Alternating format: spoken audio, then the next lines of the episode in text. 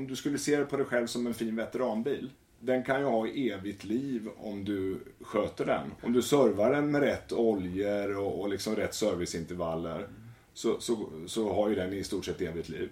Och jag tror liksom att kroppen kan fungera lite på det sättet också. Att, att stoppar du i dig någorlunda rätt grejer och du tänker på rätt sätt och, och så, så kan vi leva bra mycket, mycket längre ja. än vad vi hade trott var möjligt.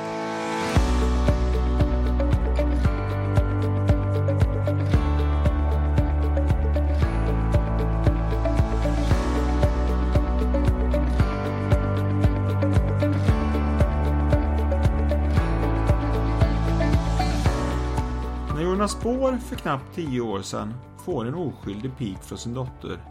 Pappa, du har börjat få kulmage. Som han börjar tänka till.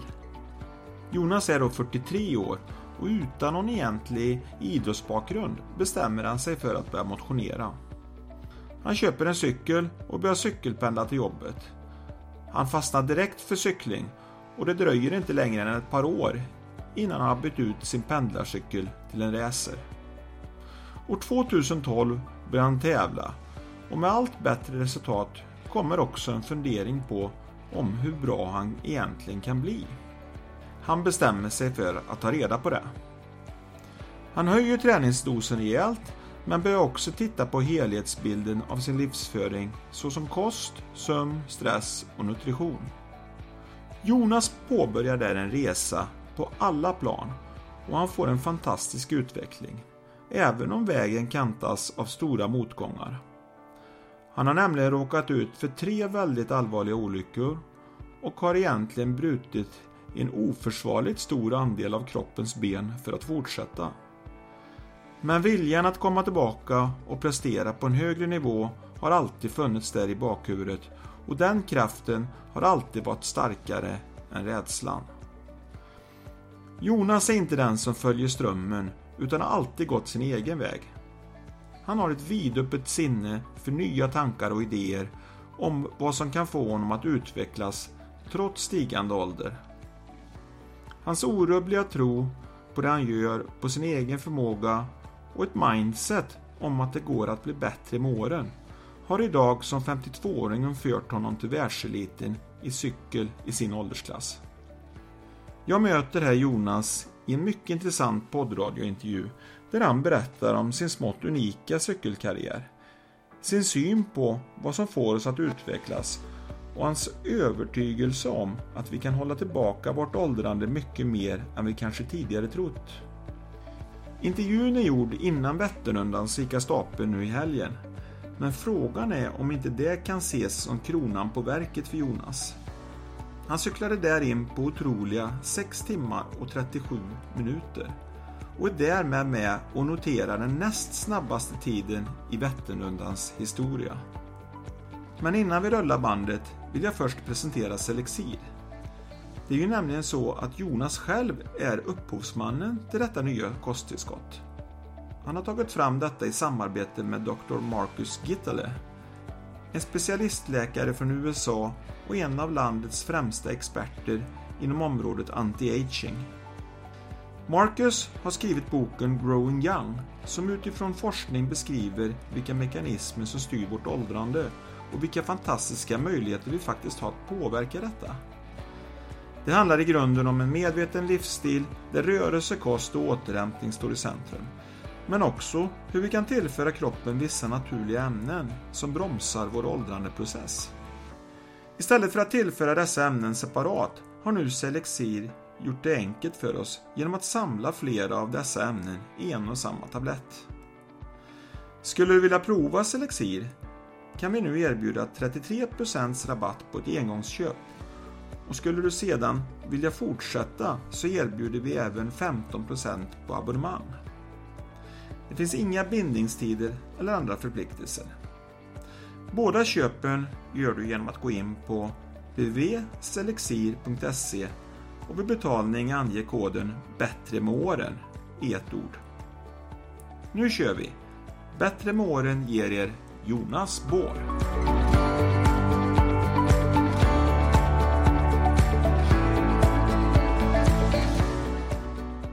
För något år sedan hittade jag via mitt eget cykelintresse till en jätteintressant och spännande blogg som drivs av en eh, duktig cyklist. Men det kanske inte var cyklingen just som fångade mitt intresse mest utan det var att jag slogs av hans livsfilosofi. Eh, den stämde mycket med min egen. Hans inställning till livet, där han inte ser åldern som ett hinder för att fortsätta utvecklas, även nu när han börjar komma upp lite i åren. Utan i princip inte tränat alls, så bestämde sig han som 43-åring med en begynnande kulmage att börja träna. Han köpte en cykel och började pendla till jobbet. När han såg resultaten så blev han så biten så han bestämde sig för att testa hur bra han kunde bli. Trots att han haft enormt stora motgångar har han hela tiden rest sig med fast beslutenhet och egentligen blivit starkare efter varje motgång.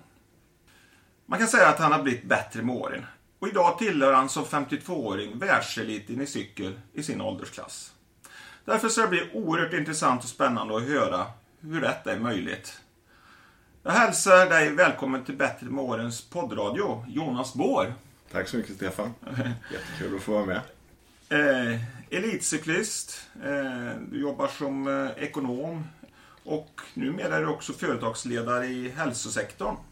Du verkar ha många strängar på din lyra. Ja, det är några olika företag som är inblandade i och sen tre döttrar på det och en fru och, och en hel del cykling däremellan. Så det finns, eh, det, det finns lite att göra om dagarna. Ja, men du får ihop det. Ja, ganska bra. I alla fall eh, träning och sånt där lägger jag ju mycket på pendling och sådär. Så det Ja, tar ju inte så mycket tid egentligen tycker jag. Nej. Eh, Förr i tiden spelade jag ganska mycket golf och det, det tar ju en runda 5-6 timmar. Och Gör man det ett par gånger i veckan då Ja, kan man jämföra det med att cykla 10-12 timmar så blir Ja. det bara det mesta pendlingstid. Så det, det, det funkar ganska bra. ja. Och eh, det här med då bättre med åren som jag eh, kör. Eh, det passar ju väldigt bra in på dig Jonas. Ja, det, det är ett fascinerande område det här bättre med åren. Och det, det, det har vi något som vi delar verkligen tron Ja. på det. Och, eh, nej, men jag är fascinerad av det här med att se liksom vad, vad gränser finns, om det finns några. Och det tror jag väl egentligen knappt det gör då. Utan det handlar ju väldigt mycket om en mental inställning och sen jobbet man gör förstås då. Ja, för du har ju, jag har hört dig säga, kanske lite skämtsam men med lite allvar också, att du ville göra en egen Benjamin Button. Alltså att försöka bli yngre. Ja, nej men det, det var ett projekt som jag startade för någonstans drygt fyra år sedan. Eh, i, I och med att jag tog del av en bok som handlar just om det här temat på vad är åldrandeprocesser och vad, vad skapar de i kroppen och vad kan man göra åt det. Och då vid den tidpunkten så kände väl jag att jag hade lärt mig en hel del om träning och, och eh, kunde lite om kost och nutrition och sådär. Och, då, och jag hade ju en ambition då att bli bland de bästa i min åldersklass och även fortsätta att tävla mot yngre killar. Och då ville jag se liksom mentalt satte jag upp den här idén då. Kan jag bli yngre då? Och det var ju mycket liksom en, en mental bild för att och, och liksom bestämma sig för att nej, nu ska jag bli yngre. Och då eh, mer som en mental projektion då. Och, och det tror jag hjälpte mig i, i, både i träningen och i prestationen och hur jag såg på min egen eh, begränsning och sådär. Eller snarare sett icke-begränsning. Och det är livsstil, medveten livsstil det handlar om. Ja, egentligen är det ju liksom sunt bondförnuft. Eh, Det handlar ju mycket om att stressa mindre. Eh, För det är ju forskarna rörande överens om att stress är en, en, eh, kanske en av de starkaste åldersfaktorerna som finns. Men sen så är det ju bra näringsrik mat eh, och rörelse, motion då. Så låg stress, äta bra och, och röra på sig. Svårare än så är det inte. Det är grundstenarna. Och, tänka positivt. Ja, just det. För det mycket sitter egentligen i huvudet, liksom, vilket mindset man har och så. här. Ja, Jag tror det är oerhört mycket. Eh, man brukar ju säga att man blir vad man tänker och eh, jag är övertygad om att det går att tänka sig både sjuk och, och frisk.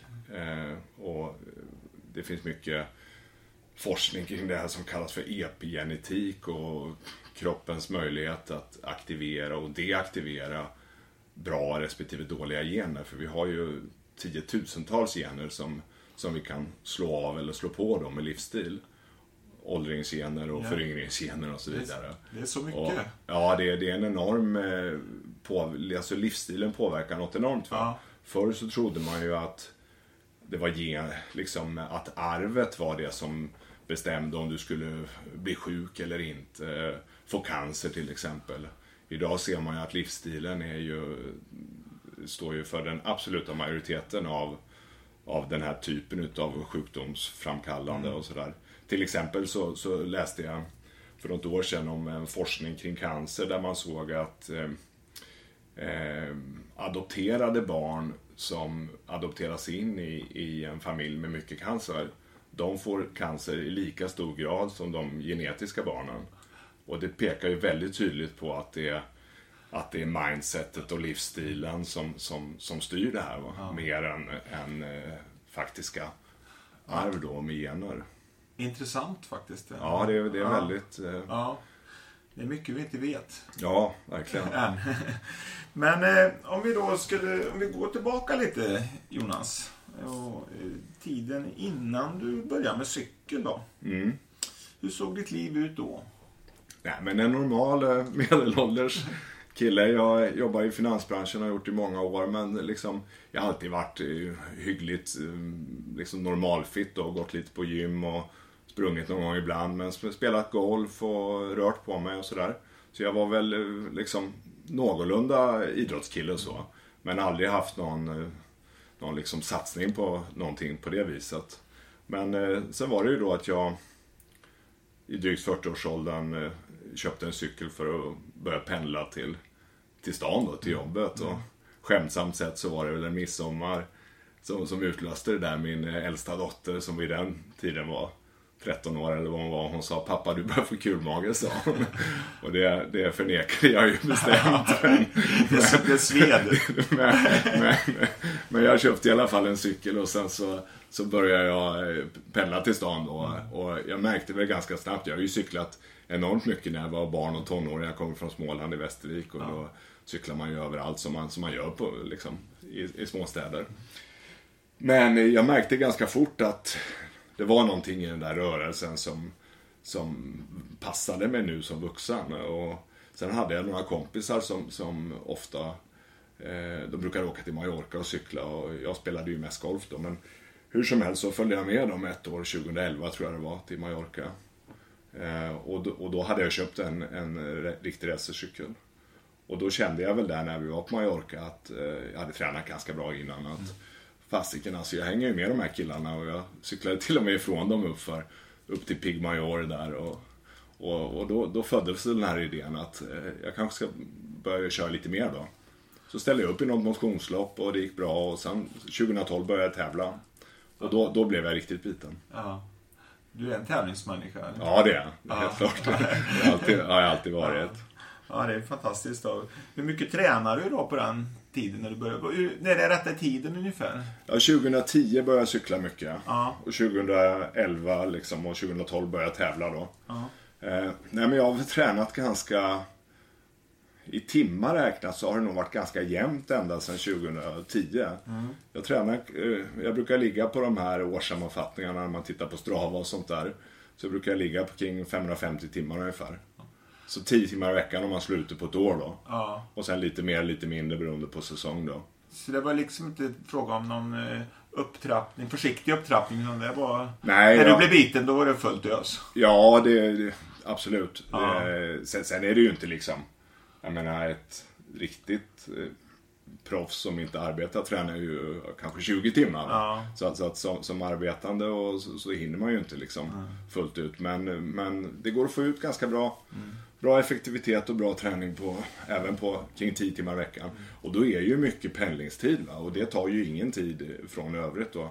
Jag, menar, jag cyklar 45 minuter in på morgonen och sen hem på kvällen och sen så kanske man skarvar ibland en halvtimme, en timme.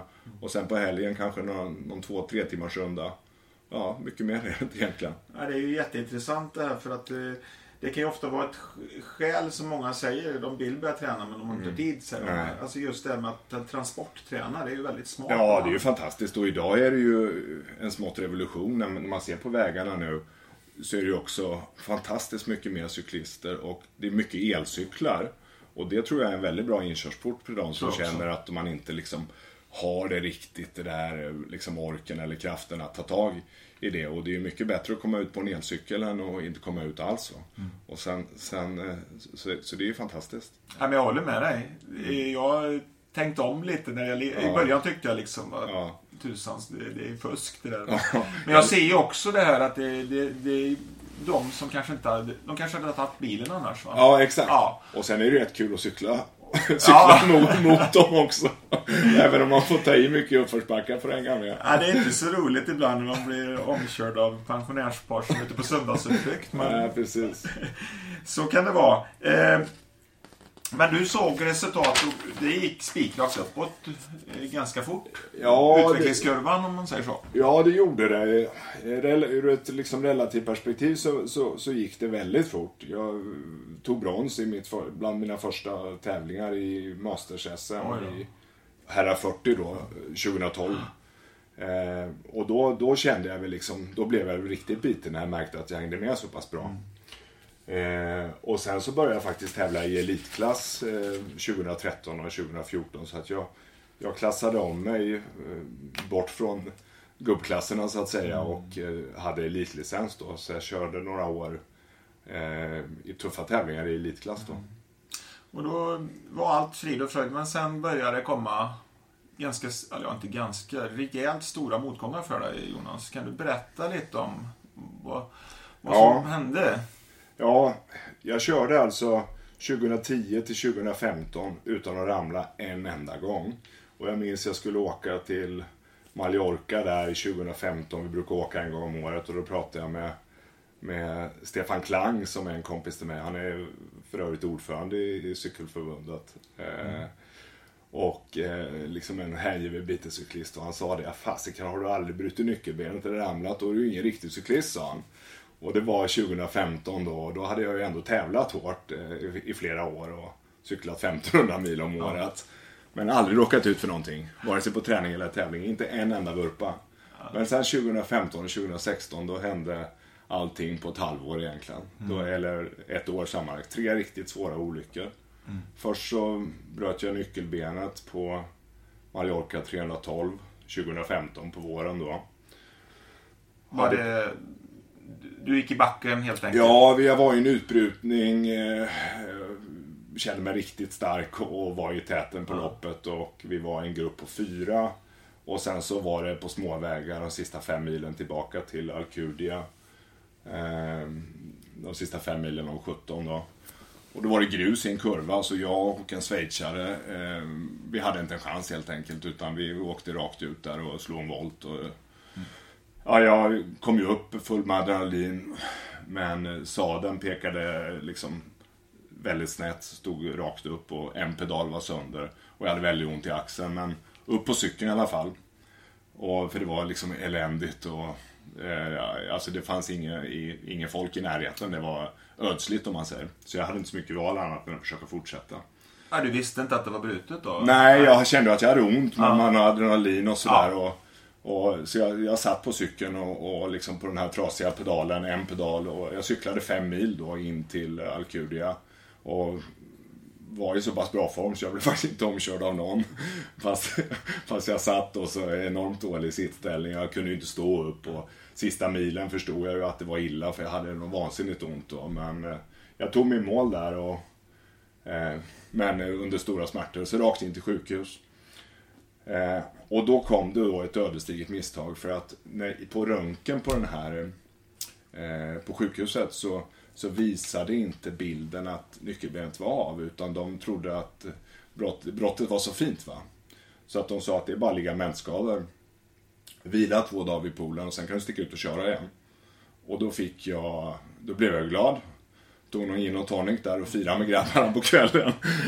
Men, men sen så tog jag det lugnt vid poolen i en dag eller två. Men sen så hängde jag ju med dem och körde. Och då hade jag fått stark sån här smärtstillande. Tramadol, har du hört talas om det? Nej. Det ska man akta sig för. Okej, ja. Det är någonting som, som missbrukas också som knark. Men det, det är starkt smärtstillande. Och eh, eh, det tog ju bort den här smärtsignalen. Så vi körde 20 mil eh, två dagar senare. Och, men på nästa dag när jag vaknade upp så var hela högersidan på armen. Jag såg ut som Hulken, alltså det var enormt svullat högerarmen. Och då var det ju rakt till sjukhus. Och då hade jag fått protein i hela blodet då. Och av den här benmärgen som hade legat liksom och skavt. Okej.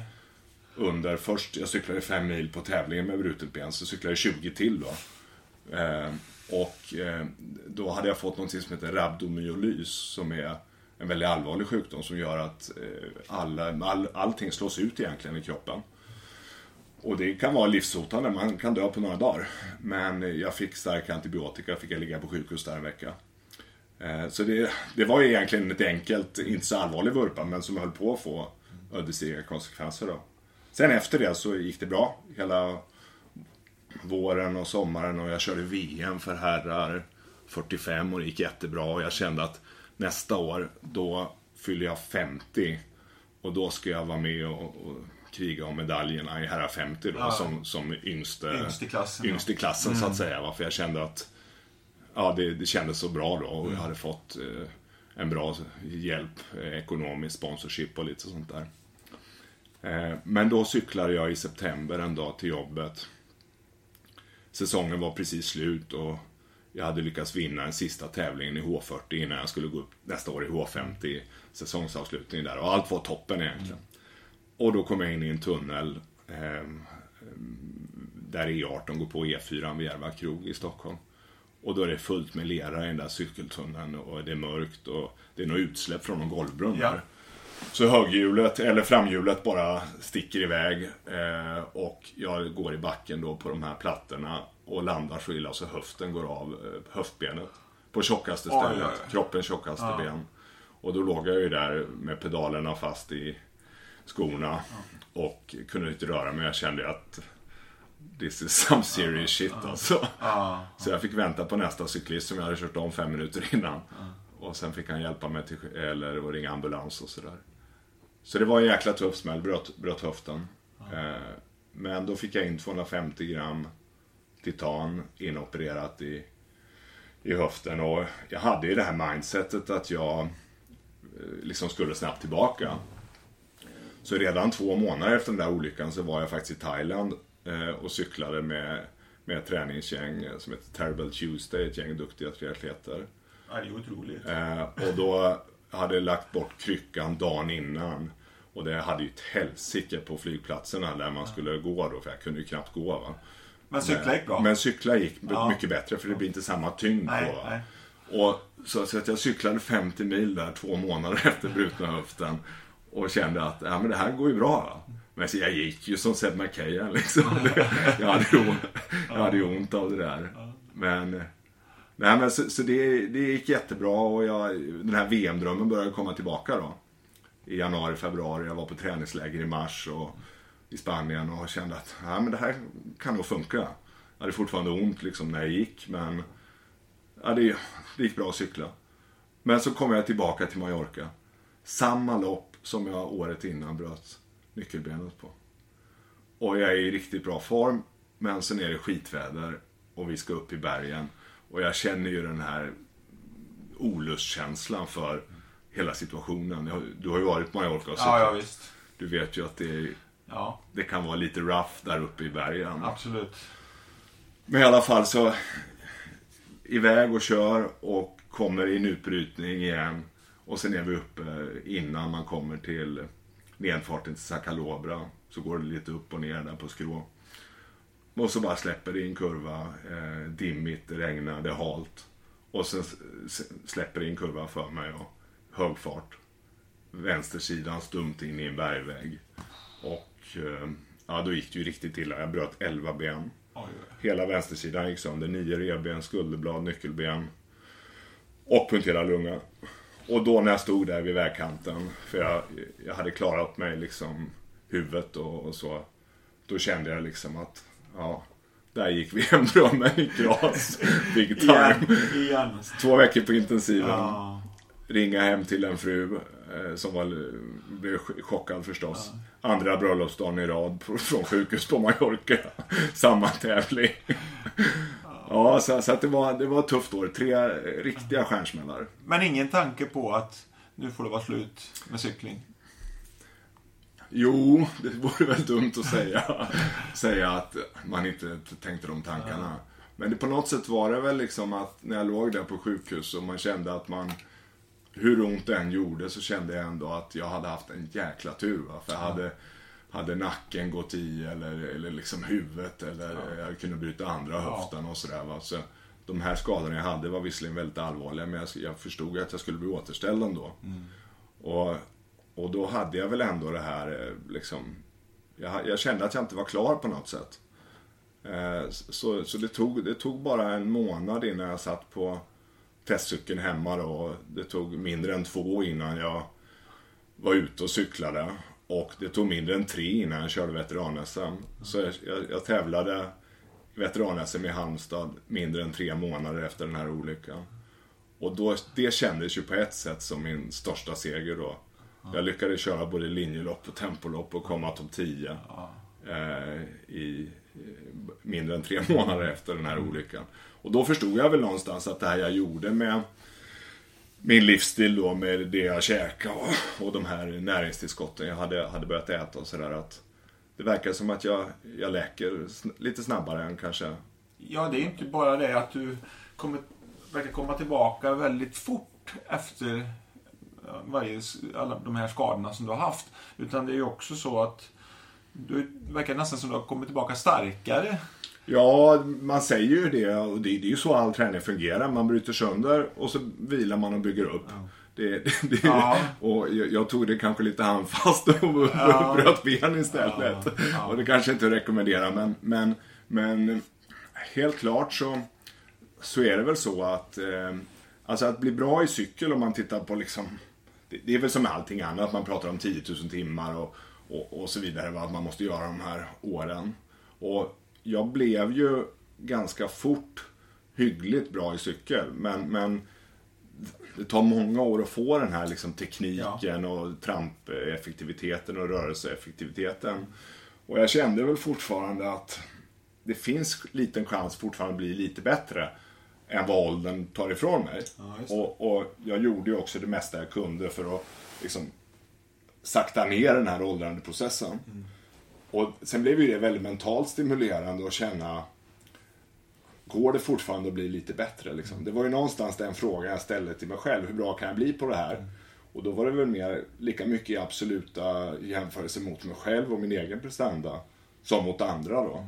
Och idag ser jag ju att cykling har ju blivit som otrolig konkurrens i de här gubbklasserna. Så, så att eh, så att idag måste man, det är så otroligt många som, som är duktiga och tränar stenhårt. Va? Så att, så att det, man, man får jämföra också ja. lite mot sig själv då, och inte bara mot andra. Hur bra är du idag? Ja, alltså i riktigt bra form. Jag ska tävla nu på, på torsdag mot svenska eliten i elitklass då. Som jag tror är äldst i landet. Jag har dispens då. Eh, har man fyllt 50 får man inte tävla i elitklass egentligen. Men jag känner att på långa linjelopp så har jag en rätt så hygglig konkurrenskraft fortfarande. Och jag har slagit nästan alla personliga rekord i år. Vi var på Mallorca nu i, i april och jag slog personliga rekord i alla backar som 52-åring.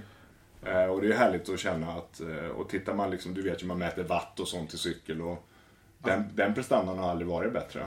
Ja, det är fantastiskt. Jag cyklade tempolopp i, i onsdags på personligt rekord i kraft också. Så än har du inte pikat om man säger så? Nej, nära är jag väl. Men, men, men, men liksom, nu pratar man ju liksom decimaler och, och finstilt och sådär. Men, men eh, jag tror att jag tror att det går att få ut lite till. Mm. Eh, men, men det börjar väl närma sig liksom någon form av möjlig peak. Ja. Vad gäller syreupptag och sånt där har jag ju testat det flera gånger. Och mm det verkar svårt att liksom höja det dramatiskt nu. Det, det handlar om att behålla. Men ja. sen kan man ju bli bättre på andra saker. Mm. Eh, träning och återhämtning är ju naturligtvis eh, grundstenar i det här. Men du var inne på det förut lite det här att mm. vad vi stoppar i oss också. Mm. Det var någonting som du eh, fick upp ögonen för eh, efter ett tag. Ja. Alltså, är det så att du märker, eller att du märkte att du kom till en gräns och så för att kunna ta det ytterligare lite till? Ja, men lite så. Jag, jag, jag tänkte att om jag, om jag blir lite bättre än vad mina än vad konkurrensen är på det som är runt omkring så kanske det kan hjälpa mig lite i cyklingen då. Så jag började intressera mig lite för det här med, med nutrition och, och eh, näringsämnen och sånt. Och när vi kommer upp lite i medelålder och sådär, då är ju återhämtning otroligt centralt då. För att kunna tillgodogöra sig träningen och, och sådär. Så, så, så, att jag, jag, jag läste den här boken då som, som handlar om att, att, att försena åldrandeprocesser. Och den, den tog upp då ett antal näringsämnen som kan, kan stödja de här mm. och skapa positiva synergier och, och liksom minskad eh, snabbhet i de här processerna. Ja. Så jag började ta de här tillskotten och flera av dem hade jag ju känt till och tagit redan sen innan då som Omega-3 och D-vitamin och mm. kanske någon till. Men så var det lite andra saker också som, som jag då började ta regelbundet då 2015. Eh, och eh, så länge jag kände att jag mådde bra av det, jag hade liksom en bra energinivå jag verkade också som jag återhämtade mig väldigt fort. Och, och framförallt när jag kör de här liksom långa, tuffa grejerna. Och det vet ju du också när man är liksom i... Om du tittar i din omgivning på 50-åringar så, som har sprungit ett maraton eller cyklat ett Vätternrundan, då brukar det vara ganska tagna Ja, det är ju som att komma till en krigsplats nästan när man tittar i parken i Motala. Ja, exakt. Ja. Så, så, har, du, har du kört eh, många Vätternrundor? Nej, jag har faktiskt bara kört två. Det blir min tredje nu. Du ska då. cykla nu? Ja, det ska jag. I någon sån här grupp eller? Ja, det blir en sub 8-grupp. Ja, vad spännande. Ja. ja. ja. Jag har kört eh, fem, fem eller sex gånger tror jag. Så Första gången var 2011. Då hamnade vi av en slump i en sån här sub 8-grupp ja. då. Så det var ju jättekul. Ja. ja, det är något speciellt med det. Just det här, att jobba som ett team då. Ja, det är ja. fantastiskt kul. Ja. Ja, du, du, du, nämnde den här boken sa du. Kan du berätta, vad var det någon bok som du... Ja, egentligen så var det en kompis jag har som är... Han är nästan tio år äldre än mig och han, han är inte liksom cyklist eller... Ja, han är väldigt allmänfitt och tränar, tränar så med mycket meditation och yoga och sådana saker. Han, han, skickade mig en ljudbokslänk och sa lyssna på den här boken, sa han. Mm. Den kommer förändra ditt liv. Och då gjorde jag det. Jag stack ut och tränade eh, januari dag 2015 och lyssnade på den här. Och, och då tyckte jag det där kändes liksom make sense på något sätt. Så att jag lyssnade på den en gång till och då bestämde jag mig för att nu ska jag starta det här som du nämnde förut, det här mitt Project Benjamin Button då. Ja. Som jag mentalt valde liksom att se den här resan som då. Nu ska jag se om det går att bli yngre. Mm. Liksom ett test på mig själv. Mm. Så jag köpte in de här sakerna som han skrev om i boken, ja. de här näringsämnena. Ja. Vad, vad, vad heter boken? Den heter Growing Young, ja. Eh, skriven av en amerikansk specialistläkare som heter Marcus Gittele. Ja. Eh, och han är, är specialist då inom eh, tissue healing och, och cellrejuvenering, alltså hur, hur, hur läkningsprocesser i kroppen och, och vad som skapar de här och hur man kan läka dem. Då. Mm. Så, han är, eh, så, så, jag läste den boken och började praktisera råden. Sen var det lite kul för att jag fick ganska tidigt en, lite kontakt med den här killen. För att jag skrev någon mail och undrade om någonting. Och då, då tyckte han det var lite intressant med min, eh, dels min vetgirighet och min drive för det här med att som lite åldrande då försöka liksom bli bättre i, i cykel då. Så, så, han gav väldigt liksom, personliga och bra långa svar och sen fick vi upp en liten relation där och sen mm. behöll vi den genom mina skador och sådär. Och, och sen kom ju den här, det, det som sen har lett till ett väldigt spännande entreprenörskap. Det var ju att eh, när jag läkte så snabbt från de här skadorna då 2015 och 2016. Då kände jag väl liksom att det, tusan, det är någonting med det här som verkar fungera. Va? Jag, det verkar som jag läker fortare eh, än vad praxis var. Och till och med läkarna var ju väldigt förbluffade liksom. Och då tog jag kontakt med, eh, eller jag och eh, min kompis då som hade tipsat mig om den här boken, som också hade följt samma princip då, med bra resultat.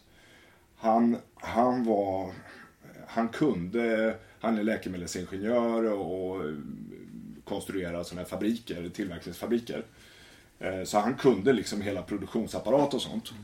Och då kom vi på den här idén att om man kunde ta några av de här näringsämnena som vi har, har eh, tagit nu några år och istället för att ta dem eh, och köpa in dem som singular, om man kunde få ihop dem i en multitablett.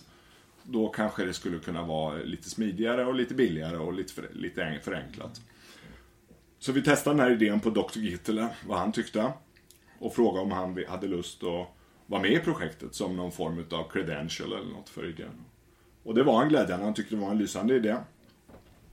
Och sen så när det hade gått lite till så bestämde vi oss för att äh, men vi, vi, vi gör det här. Va? Och då fick vi med oss honom ombord i projektet då. Mm. Som partner. Och han har gjorde formulan då för, för den här eh, tabletten då. Ja. Som sen blev då ett, ett företag, Selexi. ja. ja. Och, så då, då, var vi klara för eh, lansering då våren, sommaren 2017. Mm. Och så nu har vi varit igång i två år. För han, eh, Gittele som du nämner här, eh, han eh, Praktiserar han någonting inom anti-aging? Eller? Ja, anti-aging-delen är egentligen mer ett, ett intresseområde han har. Han är klinikchef på ett topp 50-rankat ja, sjukhus i USA inom det här som kallas då för, för det heter Wound Centrics. Mm. Det handlar om sårläkning. Mm. Eh, och eh, så det är en stor klinik som de driver. Eh, men sen så är han då eh, har tagit del av då liksom den forskningslitteratur som finns kring åldrandeprocesser och har skrivit den här boken då kring det här området.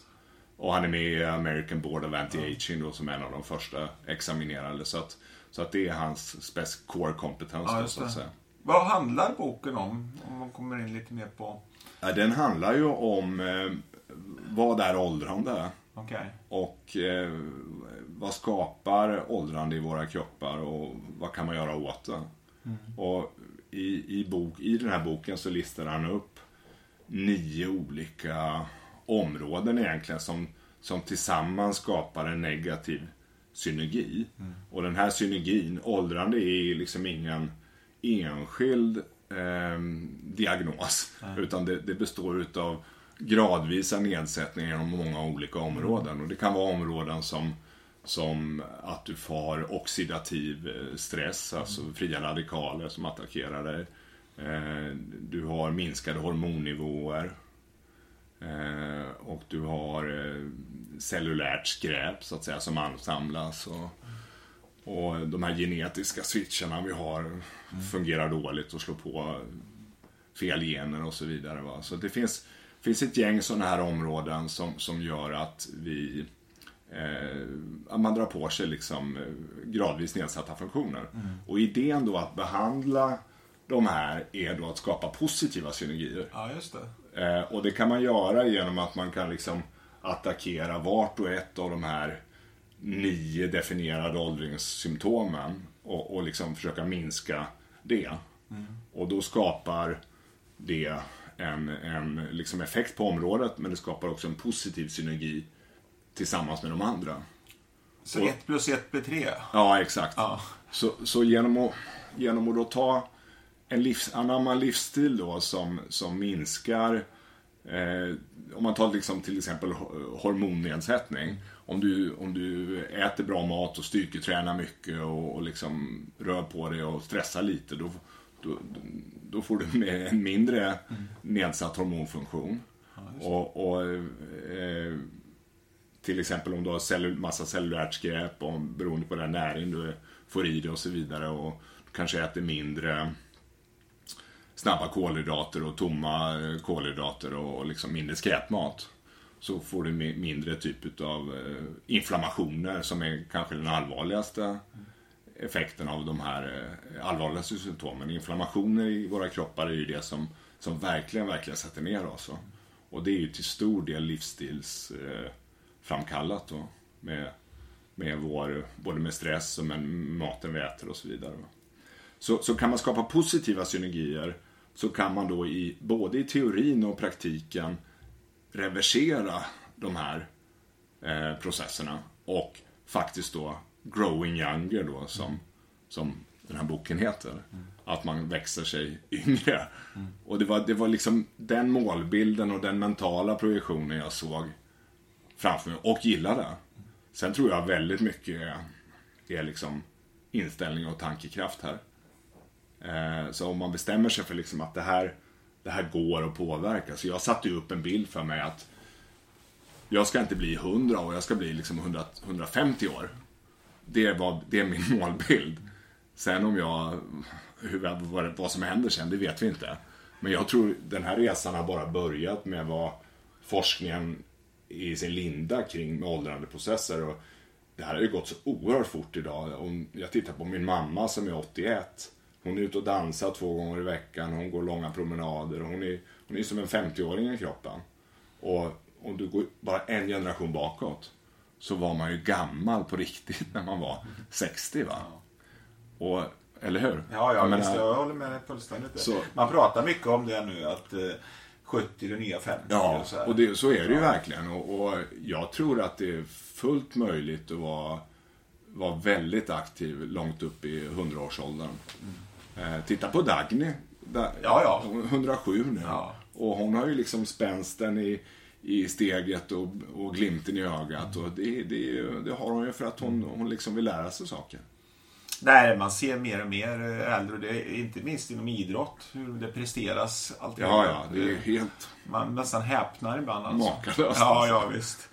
Men då förstår jag, de här, som du sa, då du började käka de här olika ämnena. Mm. De, det var alltså olika ämnen som då att, att attackera eller, man säga, eller jobbar emot de här nio olika områdena. Ja, exakt. exakt. Att, liksom bromsa ja, den ja, åldrande Ja, eller, eller reversera. Ja, eller man ska säga, ja, eller, ja, till och med gå baklänges då. Ja, absolut. Man kan skapa, i cellerna har vi ju någonting som kallas för mitokondrier som är liksom mm. kroppens kraftverk då, där energin produceras. Mm. Och om man kan då göra sig av med dåliga celler kallas för autofagi då, det vill säga att, att sämre funktionerande celler ja, försvinner och, och man kan bygga nya mitokondrier så, ja. så är ju det väldigt fördelaktigt för oss när vi ska prestera och, och leva liksom. Ja, mitokondrierna är väl då själva kraftverken ja, som omvandlar precis, då, precis. Ja, ja, till rörelseenergi. Då. Ja, och man, man, skulle kunna likna det här vid om du tänker en stad som är låg på elektricitet. Det är liksom dåligt med, med lyse. Ja. Och, och vissa av de här näringsämnena skickar liksom in elektricitet och lyse i, i, i de här i cellerna. Ja. Så att det lyser upp. Mm. Alltså mer energi helt enkelt. Mm. Och friskare och renare celler. Mm. Och, och, det, det kan du göra mycket med liksom sund livsstil. Och sen kan vissa av de här näringsämnena liksom stärka det där mm. som någon slags ja, icing on the cake. Ja. Så man kan säga att eh, livsstilen är, är liksom eh, isberget, sen har du toppen på isberget. Är, ja, det skulle jag... Det, är väl en bra, ja. bra liknelse. Att ja. Man kan ju inte liksom ta en tablett och tro att nu, nu kan jag strunta i resten och, och, och, nej, det, det, och bara käka gräddtårta. Nej. Men, men, nej, nej, men, men det är finliret så att säga. Ja, men om, om du tänker det, om du tänker det att om du skulle se det på dig själv som en fin veteranbil. Mm den kan ju ha evigt liv om du sköter den. Ja, om, du, det... om du servar den med rätt oljor och, och liksom rätt serviceintervaller mm. så, så, så har ju den i stort sett evigt liv. Mm. Och jag tror liksom att kroppen kan fungera lite på det sättet också. Att, att stoppar du i dig någorlunda rätt grejer och du tänker på rätt sätt och, och så, så kan vi leva bra mycket, mycket längre ja. än vad vi hade trott var möjligt. Och då, då, är det då alltså några av de här näringsämnena som ni har samlat i en tablett där, det vill säga Selexir. Ja, ja. Det, det, är fem aktiva näringsämnen som, som stödjer då de här processerna och minskar inflammationer, ja. skickar in mer energi i våra kroppar och bättra kognitiva mentala förmågor. Skulle du kort kunna beskriva vilka fem ämnen det är? Och, och, och... Ja, jag kan ta det lite, lite, lite snabbt. Kort, och övergripande. Ja. En sak som väldigt många har hört talas om de sista åren det är, det är en, det aktiva ämnet i curry som heter kurkumin i gurkmeja. Och det finns ju tusentals studier på hur det är starkt inflammationsdämpande och, och hjälper till med en mängd olika processer i kroppen. Då. Så kurkumin idag är ju en sån där, börjar bli ett begrepp då som, som väldigt många eh, är välbekanta med och, och, och, äter. Och det kan man ju naturligtvis och, och bör göra, gärna ta med i sin kost då, som, som krydda och så vidare också. Men på det här sättet så får man i sig relevanta mängder och eh, du får liksom en bra, en bra eh, fighter mot inflammationer. Mm. Sen har vi ett eh, ämne som heter resveratrol som också är ganska känt. Eh, du kanske har hört talas om, det brukar kallas för den franska paradoxen ibland. Ja, då. ja. Det, det har med vin att göra tror jag. Ja, exakt. I, i Frankrike så, så, har man ju en relativt dålig kosthållning med mycket eh, ja, med, med, mycket relativt osund mat och så vidare. Men men, men eh, de, har, de har betydligt lägre grad av hjärt och kärlsjukdomar än vad på många andra ställen i världen. Och, mm. och det har man ibland lastat och kall, det har man ibland kallat för den franska paradoxen. Och en teori då skulle vara att man dricker ganska mycket rödvin där det finns polyfenoler i och i vindruvskalet då så finns det väldigt starka antioxidanter, resveratrol, eh, från de här polyfenolerna då. Eh, och det, resveratrol är en fantastisk eh, näringsämne som har då väldigt mycket sak. Det är en väldigt stark antioxidant. Eh, påminner lite om kurkumin där. Men det, det har också effekter på eh, de här anti-aging-generna i kroppen och kan slå på dem. Det kallas för sirtuin, en sån anti-aging-gen. Så resveratrol är ett sätt då att få i sig ja, betydligt mer än vad man får via rödvin. För ja. rödvin har ju en hel del sämre egenskaper också. Ja. Och huruvida den här franska paradoxen stämmer eller inte, det, det, det råder väl kanske delade meningar om. Men, men resveratrol är, är väldigt väl, välstuderat idag och har otroligt många fördelar. Så det är två saker. Sen så har vi ett, eh, en aminosyra som heter acetyl L-karnitin. Det finns bland annat i, i kött, finns det ganska rikligt med L-karnitin. Eh, L-karnitin har en väldigt positiv effekt på att städa cellerna.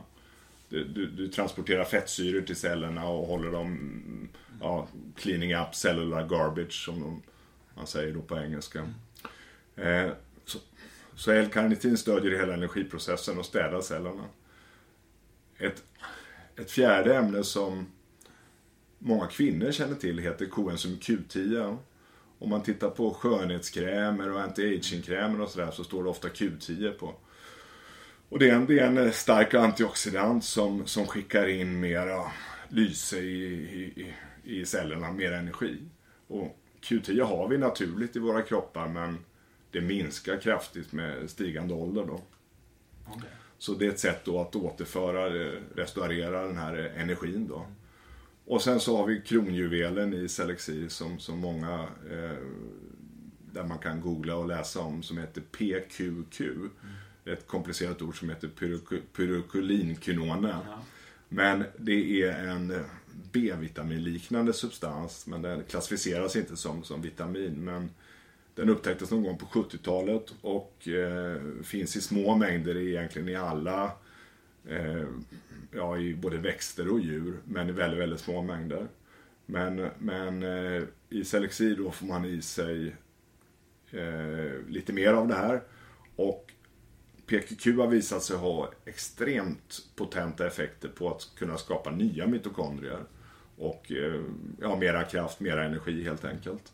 Och eh, ja, en mängd andra effekter på kognitiva förmågor.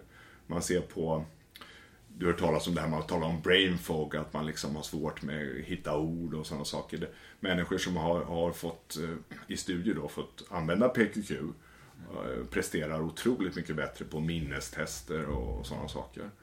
Så man tror också att det kan ha starka effekter på eh, sådana här sjukdomar som, som demens och Alzheimer, Parkinson och sådana saker. Så det är alltså inte så bara, för jag har också googlat lite på PQQ, för det är ju mm. intressant och i och med att det, det, det ligger ju i, ja, särskilt för oss som vill prestera lite mm. då, så, eh, så är mitokondrierna centrala, om man ja, säger så. verkligen. Och eh, det är inte alltså, ja, det är alltså inte bara så att förbättra funktionen, utan det kan alltså få fler mitokondrier. Ja, absolut. Ja, det är ju ja. oerhört intressant med ja. tanke på att det, den mängden av mitokondrier minskar väl med åren. Ja. Nej men det, det, det är ju väldigt centralt och eh, eh, inte minst då med det här med återhämtningen är ju någonting som både jag själv och väldigt, väldigt många av våra, våra kunder nu eh, vittnar om då att, att de känner en substantiell skillnad då på hur mycket mindre sliten man känner sig efter hårda race eller hårda långträningar. Och att man orkar träna hårdare och liksom bättre. Ja. Men, men eh, sen så finns det massa andra saker. Hyn till exempel. Sen jag gjorde det här, jag har gjort det här i fyra år nu. Jag har ju en hud som är, är som, jag har jättefina, eh, liksom jättemycket mindre problem med jag har aldrig några blämmor. Aldrig torra... Sen du började med de här tillskotten? Ja, jag har aldrig några torra läppar. Aldrig några problem med någon nagelband. Jag tål solen mycket bättre. Eh, det, det är liksom jättestor skillnad. Eh, lenare hud. Så det, det, man märker liksom att kroppen mår bättre på något sätt. Har du fått mycket respons eh, eh, från kunder då som, Enormt mycket. som använder Selexir? En, enormt mycket. Ja, har du också fått exempel på? Ja, jättemånga. Det, kan du dra något exempel? Ja, dussintals. Jag har ja, fått människor som har sprungit maraton. Vi hade tre killar som sprang ett fjällmaraton i Oslo här i somras. Och eh, de, hade, de var vana löpare. Men allesammans hade eh, ätit Selexid några månader nu innan loppet och under och efter loppet så var alla förbluffade då dagen efter hur de kände sig så fräscha och pigga och kunde liksom ta en lång tur dagen efter, en lång hike och trekking och sådär och kände att de skulle kunna springa ett maraton till kändes det som. Va? Och jag har jättemånga sådana exempel. Så, så att det är verkligen fascinerande att få de här eh, den feedbacken då. Eh, och inte bara från, eh, från eh, hårt tränande atleter. Vi har många sådana masters eh, kvinnor och män som, som tränar mycket som kunder men vår allra största kundgrupp är ju liksom vanliga medelålders människor som upplever att de, ja, de har en liksom friskare, skarpare tanke på något sätt och, och eh, mer energi då. Men det är klart att de som rör på sig kanske känner en, liksom en ännu starkare effekt för de får liksom de vinsterna också. Ja, just det. Men sen är det ju så att ju äldre du är och desto mer eh, liksom från en, från en sämre startnivå du börjar desto mer kanske du också kan känna effekt. Så en 80-åring som börjar med det här kommer ju kanske känna, ha väldigt god chans att känna en, en betydande effekt. Det gjorde både min svärmor och mor till exempel när de var 80 år och började. Ja. De sa ju båda att jag känner mig 10 år yngre efter två veckor redan. Ja. Så, så, så, det är ju... Ja, det, är... Det, det, det, är kul alltså. Är det många som använder Selexir idag? Ja, vi har en, jag vill inte sitta här och, och, och, slå mig för bröstet men det är jättekul. Vi har en otrolig tillväxt nu. Ja. Så vi växer ja, fantastiskt. Ja. Vi har tusentals kunder redan. Och, ja. Eh, och det har gått fort alltså? Ja, det, har gått, det, det exploderade här i, i höstas egentligen. Ja. Eh, så vi har fått, dels har vi fått liksom en Ja, det växer från gräsrotsnivå då. En nöjd användare tipsar en annan och, och sen så har vi eh, en hel del duktiga mastersatleter som har liksom bra nätverk och sådär. Så vi har fått ett förtroende på den vägen. Mm. Och nu, nu håller vi faktiskt på att ta fram en ny produkt som är, är framme men eh, kommer väl på marknaden i höst. Okay. Och det, det blir en produkt eh, för sportande, eh, presterande människor då. Mm. Och den kommer heta Selexir Endurance. Och det kommer vara en performance enhancer för tungt, tung konditionsidrott. Tanken är att stimulera prestationen då i samband med tuffa lopp eller hårda träningar och framförallt tävlingar kanske. Så att det är inte, det är inte liksom en energisportdryck utan det är, vi har tagit vad forskningen vet är prestationshöjande. Både på fysiologisk och mental nivå. Och sen så har vi lagt till sådana saker som empiriskt användande och studier har, har kunnat se används i, ja, genom århundraden i olika kulturer. Och det här gör vi tillsammans då med eh, Sveriges ledande idrottsfysiolog som är forskare på Stanford, som heter Dr. Mikael Mattsson. Mm. Så Mikael och, och jag har tillsammans då skapat den här formulan då. som ska då ge eh, ökad energi, snabbare återhämtning och mer, bättre mentalt fokus då i samband med den här tävlingen eller det är någonting man ska ta innan då? Man tar det typ en halvtimme innan man tävlar eller... Naturliga ämnen? Ja, naturliga ämnen. Eh, och sen det är allt ifrån eh, elektrolyter till eh, de rena prestationshöjande då. Inget doping förstås. Nej, jag tänkte det. Det kanske är de här, det är koffein och rödbeta och ja, det är, det är de klassiska det, som man tar var och en för sig annars kanske. Ja. Exakt, så vad, vad, vad vi har gjort är att vi har tagit de här som är välkända ja. i den bästa formen. Sen har vi lagt till då en hel del andra saker som kallar det bubblare och ja. sådana saker. Va? Eh, och där, där har vi skapat en produkt och just anpassat för långvarigt konditionsarbete. Mm. Då, så två, tre timmar. Så det är samma idé där egentligen, att man slipper ja, men, köpa lövbärsjuicen för sig och det, så vidare. Exakt samma, ja. samma idé. Va? Ja. idén med Selexivprojektet var ju att ta, eh, ta formulas som blandningar som verkligen gör skillnad och sen göra det lättillgängligt. Ja. Eh. Och det blir billigare och det, också. Det blir billigare och enklare. Eh, så, så, det är exakt samma, samma idé. Sen kan det ju finnas eller det, det finns ju då en viss skepsis mot uh, kosttillskott. Absolut. Ja, det är verkligen en Ja, det är någonting du märker. Ja, verkligen. Ja. Det finns ju absolut eh, en vattendelare där och det är många som sätter armarna i kors och säger ja, bevisa det, det kan du inte och bla bla bla och så vidare. Och jag tror att det handlar inte om att övertyga människor utan det, det finns så mycket människor som, som, som vill, eh, som är öppna och, och vill tro på saker och och det handlar ju om liksom fastlagd forskning i, i väldigt många fall. Va? Sen har ju vi kanske dragit ut den här forskningen i tangentens riktning och, och, och liksom dragit slutsatser kring det. Eh, och vad som passar ihop och inte passar ihop. Men det gör vi ju inte på lösa grunder. Men det är klart att, att om, du, om du rent inställningsmässigt in, aldrig tror på någonting, då, då, då kommer det ju fungera sämre för dig. Va? Och eh, placebo eller inte, jag tror den bästa effekten är placebo ihop med välfungerande ja, saker. Ja. Nej, placebo ska man inte underskatta. Det ska man verkligen inte Nej. göra. För det är återigen det här, du blir vad du tänker och sådär va. Och, och eh, det finns ju hur mycket stöd som helst för de här ingredienserna. Men det blir ju ännu starkare effekt om du tror också. Ja, det är klart. Och, och motsatt då, ja. om du har bestämt dig för att inget fungerar då ja då får du ju det livet. Ja, men så, Eller hur? Så, så, är det ju. Ja. Det, det, är återigen tankens... Tanken är stark. Ja, men vi, ja. För, vi försöker ju inte omvända människor här utan det här är ju för dem som, som eh, tycker att det här låter rimligt mm. och låter sunt och, och vill testa. Ja. Så, så att eh, det... det... Men det finns de olika ämnena finns. Det finns studier som backar upp. Ja, oh ja, herregud. Det finns. Eh, hur, hur mycket som helst. Det är bara att googla. Ja, precis. Det stämmer.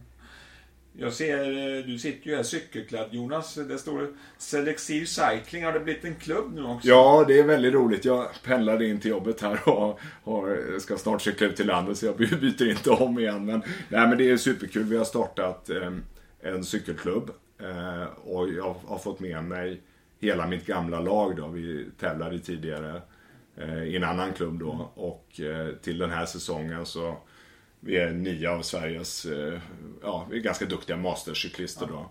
Så, så att vi, vi kör i ett nytt lag som heter Selexil Cycling. Och det är naturligtvis jättekul att få, få, få vara en del i det projektet också. Det är ett sätt att också få ut vårt, eh, vår varumärke. Vad tycker, vad tycker du om kläderna? Ja, snygga. snygga. Ja. Kanske en blivande proffsklubb? Ja, det, det, var någon kompis som sa här, när får vi se det på touren. Ja. Och, ja, kan vi, få ut, kan vi få ut oss internationellt nu ett gäng år? Så man, man ska aldrig säga aldrig. Nej. Ja, nej, vi har ju varit inne på det här. Du nämnde anti-aging förut och du nämnde också det här med um, hudvård. Det var något ämne där. Ja. Q10. Ja, just det. Ja, just det. För det är ju faktiskt så det där med anti-aging är ju ett begrepp som mm Eh, kanske inte så mycket här, men i USA till exempel. Ja, det knippar mycket med hudvård och skönhet. Ja, ja. Men tror du att anti-aging kommer få en annan mening? Eh, ja, det tror jag absolut. Ja. Vi har ju liksom innandömet i kroppen. Organen och, och allting där. Hur cellerna mår och vilken funktion de är i. Det är ju anti-aging för mig. Mm. Mer än kosmetiskt. Fast sen klart, det där går ju igen att, att hur man... Jag menar, det är ju bara att titta på en sån visuell sak som, som huden. Eh, det kan man ju se vad, vad liksom en dålig livsstil, rökning eller annat gör för effekter. Va?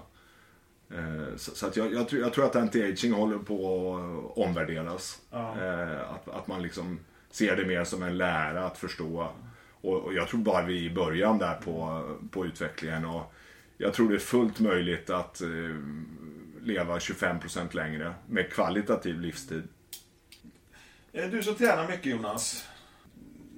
Hur ser du på det med träning när man blir äldre? Är det någonting som... Alltså vi har ju i vår kultur då så har vi kanske mycket det här i oss. Att vi, ska, vi ska vara försiktiga när vi blir äldre och sådär. Och, men, eh, Ja men det borde ju vara tvärtom. ja, min inställning är ju också det och Ja. det läser man ju allt mer att Ja. nej, vi ska ta i när vi blir äldre. Ja, det är precis det man ska göra. Ja, förutsatt då att eh, Ja. man är frisk. Då. Ja, absolut. Ja, Det är precis det man ska göra. Man Ja. ska, man ska ta i det kanske är särskilt viktigt. Ja, särskilt viktigt. Ja. Man, måste, man måste våga anstränga musklerna och hjärtat. För ju oftare du tränar hjärtat och musklerna, desto längre och bättre kommer du leva. Så att vara försiktig är nog det sämsta råd Ja. man kan göra. Och det, det är även det här med eh, benskörhet. Ja, ja, verkligen. Alltså om inte skelettet belastas Ja. så blir det skört. Så att Ja. Människan anpassar Ja, sig. ja. Ja. Gå, springa, styrketräna, intervallträning, våga gå upp i puls. Det visar liksom, all forskning visar på att ju mer du anstränger dig både muskulärt men även kardiologiskt och med, med, liksom, med hjärta desto bättre liv kommer du, längre liv kommer du få. Och det finns ingen gräns där som säger att mycket skulle vara, vara farligt. Snarare tvärtom läste jag nu nya rön om att det finns, det finns ingen nivå då liksom ett starkt tränat hjärta blir, skapar mer dödlighet. Utan jag tror, jag tror stenhårt på... Man skulle ju skämtsamt sett kunna säga att om du tänker att du har ett konstant antal hjärtslag. Ju mer du tränar, då kommer du ha hög puls när du tränar men den övriga tiden av dygnet kommer du ha lägre puls. Va? Så att det skapar, det skapar ju en lägre totalslag. ja, det är sant. Det, Och sen, sen ja. har vi ju olika genetik där med hur, hur vi liksom med hjärtslaget. Men jag ser ju på mig själv idag. Jag har ju liksom 36 i vilopuls. Det är ganska lågt. Eh, och det är ganska få hjärtslag Ja. mot en otränad människa som kanske ligger på 70 slag. Du, Dubbelt så många. Så, så jag, jag, jag tror väldigt mycket på att, att träna hjärtat, våga gå upp i, i intensitet och framförallt inte glömma bort den här med det behöver inte vara att gå på gym. Man kan göra så enkel styrketräning på 5-10 minuter med lite med sin kropp som motvikt. Eller hur? Absolut. Det är, det är viktigt att, eh, och, och, när man blir äldre också, det här med att eh, kanske bara kunna resa sig upp från en stol. Ja. Är ju oerhört En, viktigt. en för- sak ni ska testa, det är att sätta er i skräddarställning på golvet och se om ni kan resa er utan att använda händerna. Kan man, kan man göra det när man har fyllt 50, då kommer man leva i snitt sju år längre än medellivslängd. Alltså, det... Ja. Jaha. Så, och, och det där är, min mamma är 80 och kan det. Ja, Okej. Eh, och, eh, så, så, och det handlar liksom om att hela tiden aktivera de här både balansen och, och musklerna. Va? Eh, så, att, så att röra på sig, knäböj, armhävningar, situps, eh, utfall, enkla yoga. Superbra. Det här, du var inne på gen. Är det någonting som när man blir äldre att gener inaktiveras? Eller? Ja, livs, Eller livs, livsstilen påverkar väldigt mycket. Jag gjorde ett sånt här gentest för innan vi startade Selexi-projektet. Eh, jag skickade efter ett sånt där ganska dyrt gentest från England. Man topsar sig på tungan och sen så skickar man det. Så fick jag tillbaka en 25-sidig pdf och, och analys då på, på mina gener. Och vid den tidpunkten var jag ganska, hade jag kommit ganska långt i cyklingen och tävlade liksom mot elit och sådär. Men jag fick tillbaka att jag hade ganska mediokra förutsättningar för konditionssport. Jag hade, jag hade, jag hade, en, extrem, jag hade en hög skaderisk. Eh, det, det materialiserades ju sen. Ja. Men det var ju olyckor. Ja, men men det här sa absolut. att jag hade hög skaderisk Ja, eh, liksom i träning och, Och så. det det har inte varit jag skadad på det? aldrig råkat ut för någonting. Och, och jag blev väldigt... Först blev jag ju lite ledsen när jag såg det här gentestets svar. För jag tänkte, vad fan är, vad är jag för, för måndagsexemplar va? Men samtidigt så kände jag att, men vad fasiken, verkligheten har ju liksom det, det, stämmer ju inte med vad jag själv upplever. Nej, du och sen pratar du om 10 000 gener. Ja, men, men då, det var ju då jag liksom Ja. intressera mig lite för det där. och då skickade jag det här testet till Dr. Gittele. Ja. Och bad om, en, om hans kommentar kring det. Och då sa han just det att, att hela det här området som kallas för epigenetik. Hur livsstilen påverkar våra gener, vilka som är aktiva och inaktiva. Är i sin linda. Och ett sånt här test kan bara liksom visa upp ett antal gener som du har. Inte vilka som är aktiva och vilka som är av och på. Va? Så, så att det, det, det är egentligen att betala, alltså testen är, är för trubbiga idag. Och han, han skrev ju det att du har ju tydligt visat att, att det här liksom inte stämmer. Så att, och man skulle kunna likna det här vid ett piano. Om du tänker att du har eh, tangenterna är dina gener.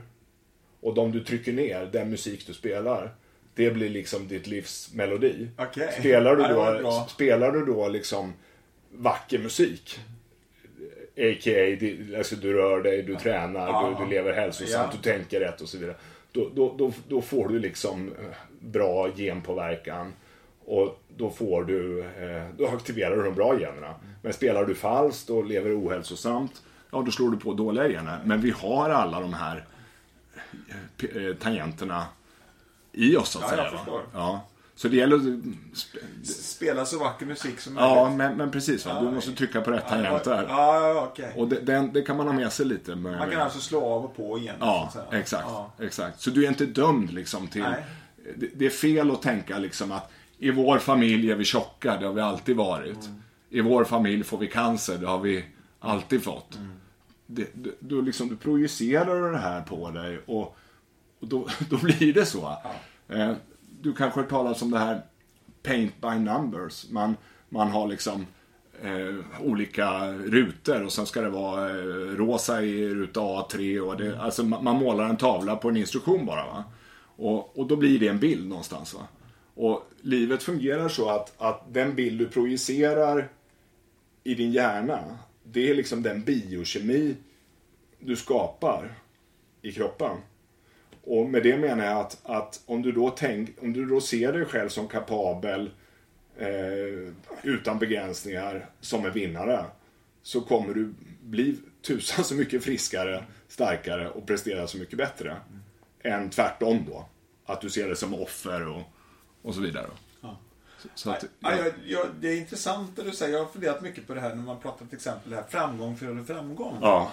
Ja, det ja. är ju ett exempel Ja, vi kan ju ta s- svensk idrott till exempel. När vi fick fram eh, eh, Gio Waldner och Ja. Roger Pe- Hur det kom upp så många andra då. Kan de, kan vi. Ja, exakt. Det, Vi har sett det i många det, sammanhang. det där är oerhört spännande och jag ska ge ett boktips. Det finns en bok som heter The Talent Code.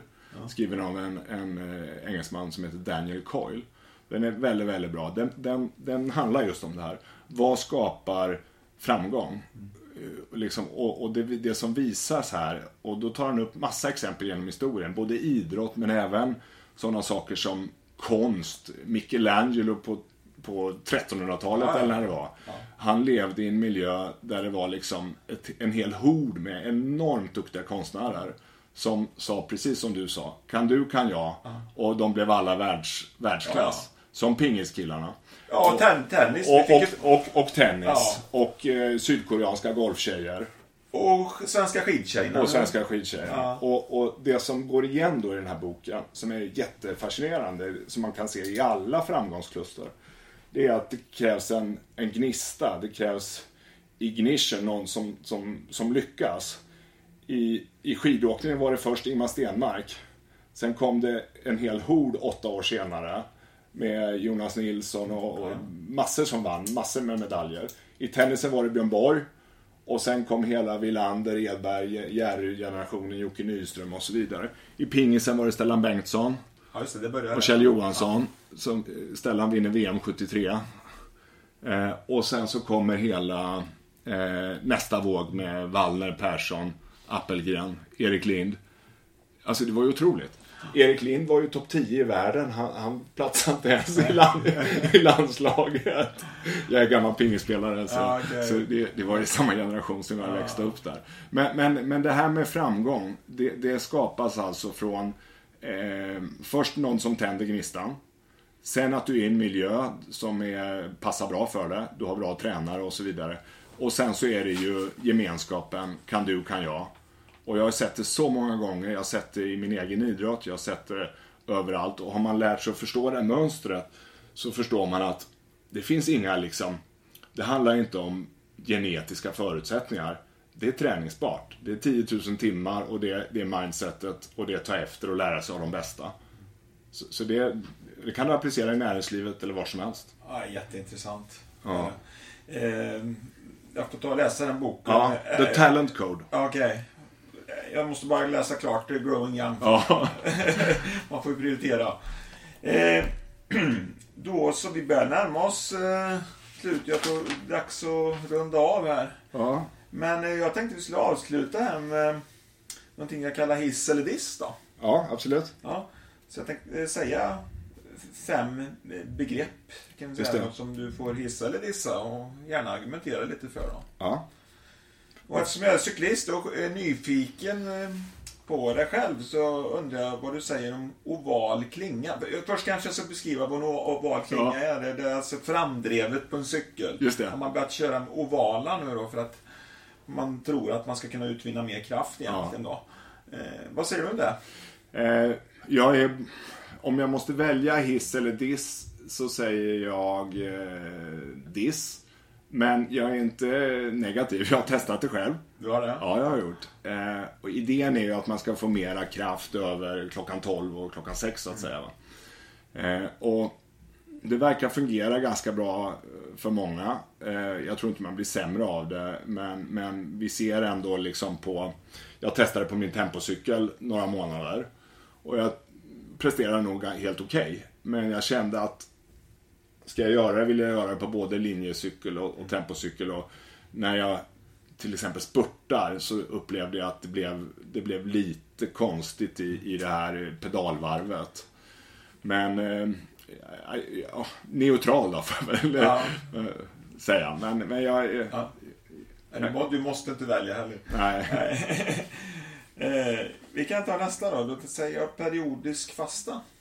Ja, då säger jag hiss. Det tror jag hårt på. Det är vetenskapligt eh, klarlagt att det är väldigt bra att låta kroppen få vila mellan eh, näringsintag. Och det visar ju de här Nobelpristagarna nu som fick eh, Nobelpris för ett par år sedan, tre amerikanare, för det här med circadian rhythm, den här inbyggda klockan vi har i kroppen. Och det visar sig att det är, det är bättre att äta två gånger om dagen än fyra. Det är helt klart så att alla organ mår bra av lite, lite längre vila. Eh, jag har själv testat det en hel del gånger. Jag brukar göra en 16-8 princip. Hoppa frukosten Hoppa frukost. Just nu har jag inte kört det på ett tag. Eh, när jag tränar mycket så kommer jag in i perioder där jag känner att jag, jag behöver liksom få i mig energin Ja. och jag klarar inte det på lunch och middag bara. Jag äter lite för lite då. Eh, men annars tror jag mycket på, på det att hoppa frukost. Jag tror också väldigt mycket på 6-1 princip. Mm. Att, att, att köra 24 timmars fasta en dag i veckan. Det har jag tillämpat i flera år kan jag säga. Ja, du gör det ja. Ja, jag har gjort det måndagar nu, kanske Ja, tre, fyra då kör du middag, middag då eller? Jag kör, eh, jag äter sista måltiden då på söndag kväll och sen Ja. så äter jag måndag kväll. Ja, exakt. Och jag, Så det låter egentligen bara bli frukostlunch. ja, precis. Jag, och, och jag tränar över lunchen för då, liksom, då brygg, kommer man över den här ja. Ja, Hur, hur, mår du då på de På dagarna? toppen. Ja. Alla säger ju det. Jonas Kolting som, som är ambassadör åt oss, han kör ju den principen. Ja. Eh, han säger ju det att jag mår aldrig så bra som de dagarna. Det är, det är en vana som att komma in i. Ja, det förstår jag. Ja. Men det är ju sådär liksom att får man bort det här eh, kolhydratsuget, det här sockersuget som man får om man hela tiden vräker i sig saker, så är det inga problem. va? Jag testade ett par månader med sån här lågkolhydratkost för fyra år sedan. Eh, och då märkte jag en fascinerande effekt när jag var ute och cyklade långa pass. Att jag blev ju helt matoberoende. Jag kunde ju bara dricka vatten i fyra timmar och cykla ganska fort och ha ingen hungersug liksom. Du tränar mycket på fastande mage eller? Ja, nu gör jag inte det specifikt så, men jag, jag har testat de här sakerna och jag tror ju mycket på jag tror ju mycket på att för att få upp den här fettdriften, att få fett som primär energikälla. Eh, det verkar som att jag har en naturligt anlag för det också. För jag behöver inte så mycket näring när jag idrottar. Och jag, jag har en bra uthållighet så jag verkar kunna använda liksom fett som, som drivmedel. Men ska man tävla och ska man ha den här sista punchen i för att attackera eller för att spurta, då är kolhydrater essentiella och de, de, de liksom skapar den här turboeffekten då, de här sista 10 procenten som, som du inte får från, från fett. Då. Men, men sen så är det ju också praktiska saker. Jag tror ju mycket på liksom generellt sett så tror jag mycket på fett och, och proteiner som, som eh, primär eh, näringskälla. Men eh, lever man som jag gör med tre döttrar och fru som inte inne i de här grejerna och vi liksom gillar att laga liksom bred, nyttig mat. eh, Då äter vi mer tallriksmodell idag hemma. Liksom blandat då. Nej, men det är eh, intressant. Men periodiskt fasta, absolut hiss. Ja. ja. Eh, vad säger du om Swift? Ja, nu ska jag då förklara för de som lyssnar vad Swift är. Och det är alltså ett slags... Man skulle kunna säga att det är tv-spel egentligen, men det är Ja. för cyklister då. Att man, eh, man, man cyklar i en virtuell värld helt enkelt. Ja. ja. Ja, men det är ju som ett, som du säger, tv-spel. Man kopplar upp sin Ja. trainer och så kör man eh, mot andra på virtuella banor. Och det har ju blivit en, en epidemi nästan. Ja. Och det är ju jättekul för det får ju folk att, att röra på sig. Jag har testat det själv. Eh, en, in, inte liksom superfrekvent, men jag har kört en del. Jag har provat att tävla några gånger. Det är jättesvårt. för det, krä, det går så fruktansvärt fort i, i början. Och sen så är det ju så att folk har ju sina trainers kanske inställda på lite olika sätt och, och sådär va. Så att, så att för min del så, så eh, var det lite sådär en självförtroendesänkare. Man insåg att fan jag hänger ju inte med. men men jag, jag ställde upp i S, SM i Swift för, förra året. Och jag hängde med i 20 minuter så gick det inte längre. Och då, då blev jag lite ledbruten. Men, eh, men eh, så, det är väl en fantastisk grej som... Det är väl bara en tidsfråga innan det blir riktiga Swift-torer och Ja, ja, folk sitter, kommer sitta i, i, eh, på, i hallar och tävla mot varandra. Ja, ja, ja, det, det, det är en kul grej Du- du kör, eller? Jag kör, ja. Jag, man blir ju biten alltså. Det, det är bara så. Det, Ja, nej, men det, det, det är är kul. roligt. Det är kul. Jag tycker det. Och, och som sagt, det, alltså när det är dåligt väder ute eller något sånt, så är det ju Ja, ett ja, bra herregud. alternativ. Va? Det är ett jättebra alternativ. Det, Så är det. Sen kom jag in på... Jag tänkte jag fråga dig vad du säger då, eftersom jag är inne på åldrande om det här och... Eh, 70, 70 nya 50 och det här. Mm. Eh, höjd pensionsålder. ja, det är väl bra. Jag säger hiss. Ja, absolut. Jag tror ju att man ska jobba... Eh, ja, egentligen finns det ingen anledning att inte jobba bra många år till. Dels för samhällsekonomin, det kommer ju krävas. Det pengarna, resurserna räcker inte till. Vi lever ju mycket längre. Eh, vem ska liksom försörja oss? Och så ser jag ju att människor mår ju mycket bättre. Ja. Eh, I det jobbet jag har i finans så har vi haft mycket liksom entreprenörer som säljer av sina bolag och flytt, flyttar utomlands. De dör ju som flugor efter 5, 6, 7 år. Varför? Jo, för de sätter sig på balkongen och dricker rosévin. Och sen så blir det till lunch och så, så slutar man spela golf för att man, ja, man får ont någonstans och så dricker man istället. Och så, ja, du vet ju hur det är. Ja. Man behöver aktivera sig. Jag tror stenhårt på att jobba. Sen behöver det ju inte liksom vara Ja, man måste ju ha ett jobb som, som fungerar för en då, men 75 är väl inga problem att jobba till för de flesta. Nej, det, och det är väl 2026 som det höjs till 67 va? Ja, exakt. Ja. Så att, eh, ja. Eh, sen, du var inne på det förut, men sen sista hade jag tänkt att säga train low, race high. Om du först beskriver vad det är och sen kan Mm. Ja. du gissa eller dissa. Ja, vi pratar ju lite om det nu och eh, jag säger eh, vad det är då. Det är ju att, att träna med ganska låga eh, energireserver eller låg glykogennivå. Att man, man, eh, man tränar lite halvtom så att säga. Eh, och det är ju för att adaptera kroppen till att bli mera fettdriven som primär drivkälla då. Eh, och sen är ju det ändå att race high är ju att du kopplar på den här turboenergin i form av kolhydrater i samband då med tävlingar för att få den här liksom extra effekten. Ja. Och som modell så tror jag mycket på det.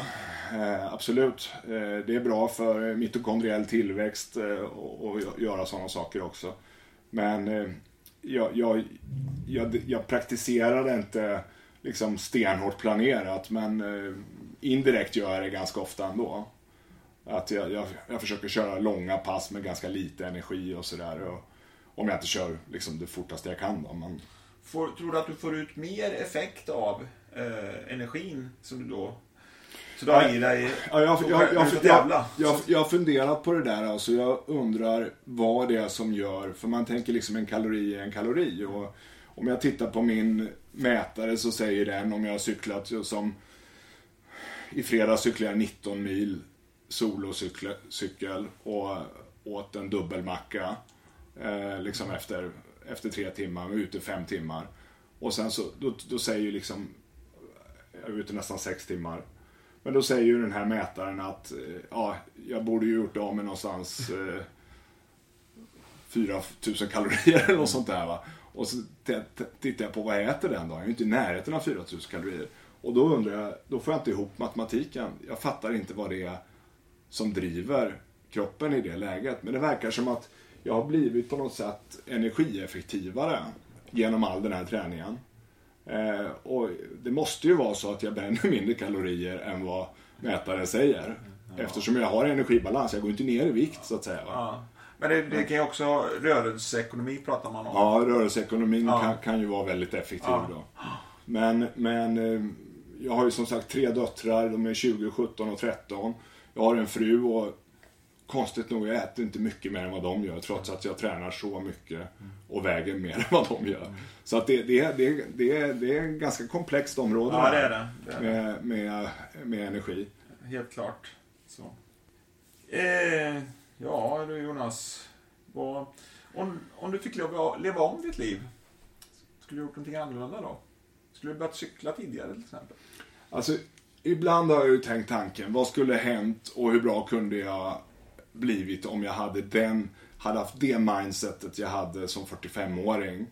Eh, och liksom den livserfarenheten, om jag hade haft den som ung och, och se hur bra kunde jag bli då. Å andra sidan så, leva om sitt liv, nej det tycker jag inte. Det, de flesta svarar väl att man inte skulle vilja gjort det. För jag är väldigt nöjd med som det har blivit och det är roligt att ha den här driven nu då som, som äldre. Och hade jag satsat på cykel som ung, då hade jag ju varit mitt i värsta dopinggenerationen och hade jag haft sådana ambitioner att bli bra på riktigt då hade man säkert varit i, i hamnat i, i, i det då. Eh, alltså, jag säger inte att man hade hamnat i det, men det hade varit, man hade inte kunnat bli bra så att säga. Så att nej, jag, jag har inga, inga ledsamhet över det. Det hade varit kul att, att, att få utforska vad begränsningarna hade varit. Men samtidigt är det ett jäkla skitliv att vara, vara duktig på cykel och försöka leva på det. Du vet de här proffsen, det är, det är inget att vara avundsvärd på. Det, det, det är topp, topparna har det ett bra liv och tjänar mycket pengar men de andra vet titta på girot när det regnar och är eländigt och hjälpryttare. Det är ingen lek alltså. Nej. Eller vad tror du? det, då hade jag hellre varit golfproffs. Ja. det, det. ja, golf gillar du? Ja, jag gillar golf som sport. Ja. Det skiljer sig extremt från cykel. Ja. Det är ju en helt annan kravspels. Det är ju ja. framförallt mentalt. Du måste vara... Och där, därför tycker jag det är spännande med golf. Ja. För det, i golf känner jag mig alltid otillräcklig. Eh, liksom, alltså det, det, är ett väldigt svårt spel. Det är ett väldigt svårt spel. Eh, och det, det, är fascinerande liksom just den här du har så mycket tid att göra bort dig mentalt på. Ja. Och den utmaningen är häftig. De få gånger man liksom känner att man klarar det, då är det en enorm tillfredsställelse. Lika frustrerande är det när man inte gör det. I cykel kan man ju kämpa. Där kan du ju liksom ha jävlar anamma. Det kan, kan man ju inte i golf. Liksom. Om, man, om, man, om, du ser framåt i ditt liv då, vad, vad, hur ser ditt liv ut om tio år?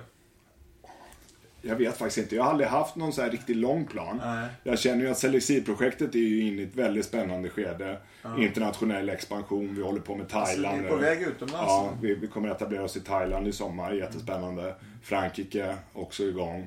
Och vi ser ju en möjlighet i, i egentligen alla länder. Mm. I den Så det kommer ta mer och mer tid för Ja, det tror jag. Ja. Eh, det, det, jag hoppas det i alla fall. Ja. Eh, det känns som att det här har kommit över den här liksom tröskeln nu och börjar bli liksom på riktigt.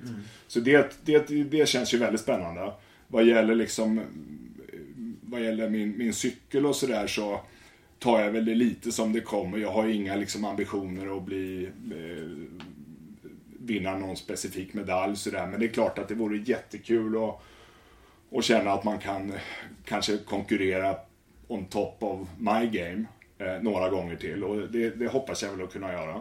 Så att jag har, så länge det känns att, att jag har liksom inte stagnerar utan att jag är på väg någonstans så, så då känns det ju väldigt stimulerande. Sen om jag skulle trappa ner mycket då, då kanske jag skulle börja med någonting annat. Jag, jag har ingen aning. Jag, jag tenderar att fastna för saker så skulle jag hitta någon annan grej, vad nu det skulle vara, så, så, så kanske det blir nästa sak. Ja ja, innan vi avslutar då så om man nu då skulle vara nyfiken på att prova Selexir, Mm.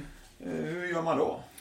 Ja, det är ju väldigt enkelt. Ja. Då har vi, vi har ju ett jättefint samarbete med, med din Bättre med åren. Så att gå in på vår eh, hemsida, selexir.se. Eh, och där går du bara in och, och beställer. Och sen i kassan så kan du skriva Bättre med åren. Så får man en provmånad. I ett ord, ja. Ett ord. Ja. Så får du en provmånad för eh, 295 inklusive fraktfri leverans. Och det motsvarar 33% rabatt. Ja. Och det, då, då kan du testa en månad och får du ett bra underlag för att värdera om det här är någonting att fortsätta med. Och vill du sen fortsätta så, så får du med samma kod eh, 15% rabatt på, på abonnemang. Då. Så gå in och, och prova. Eh, om man vill följa dig då eller komma i kontakt med dig, hur gör man det bäst? Ja, man hittar ju mig på Facebook enkelt. Det är bara att söka mitt namn och sen så har jag min eh, tränings och cykelblogg där jag skriver. Det är bara att söka på mitt namn, Bår Jonas, så hittar man. Med, du stavar B-O-H-R. då. Just det, ja. Just det. Eh, ja, är det någonting jag missat tycker du?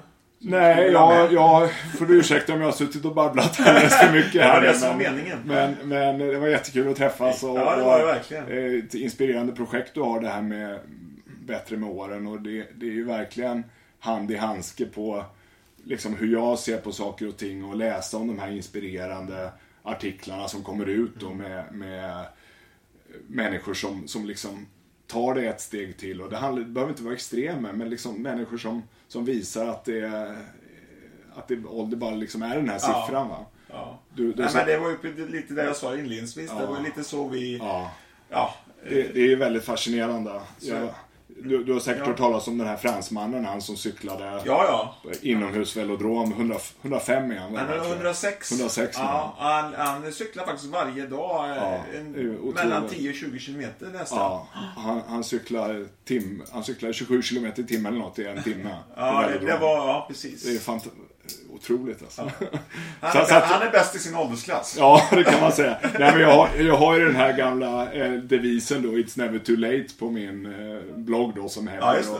Och, och liksom någonstans så, det mantrat det tycker jag passar bra. Ja, det, ja, det är aldrig ja. för sent. Det bäddar ju för fortsatta kontakter mellan oss två där. Ja, men det tror jag. Ja.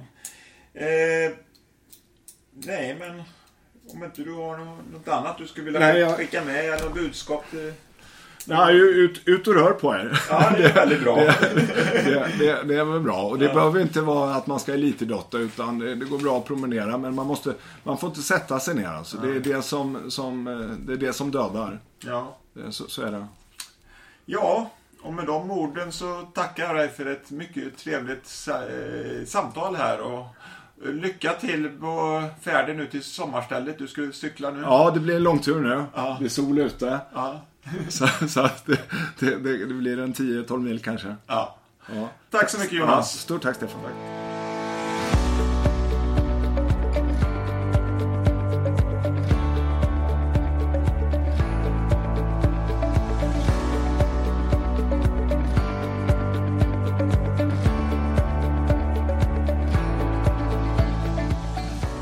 Den här poddradion producerades av mig, Stefan Wendt.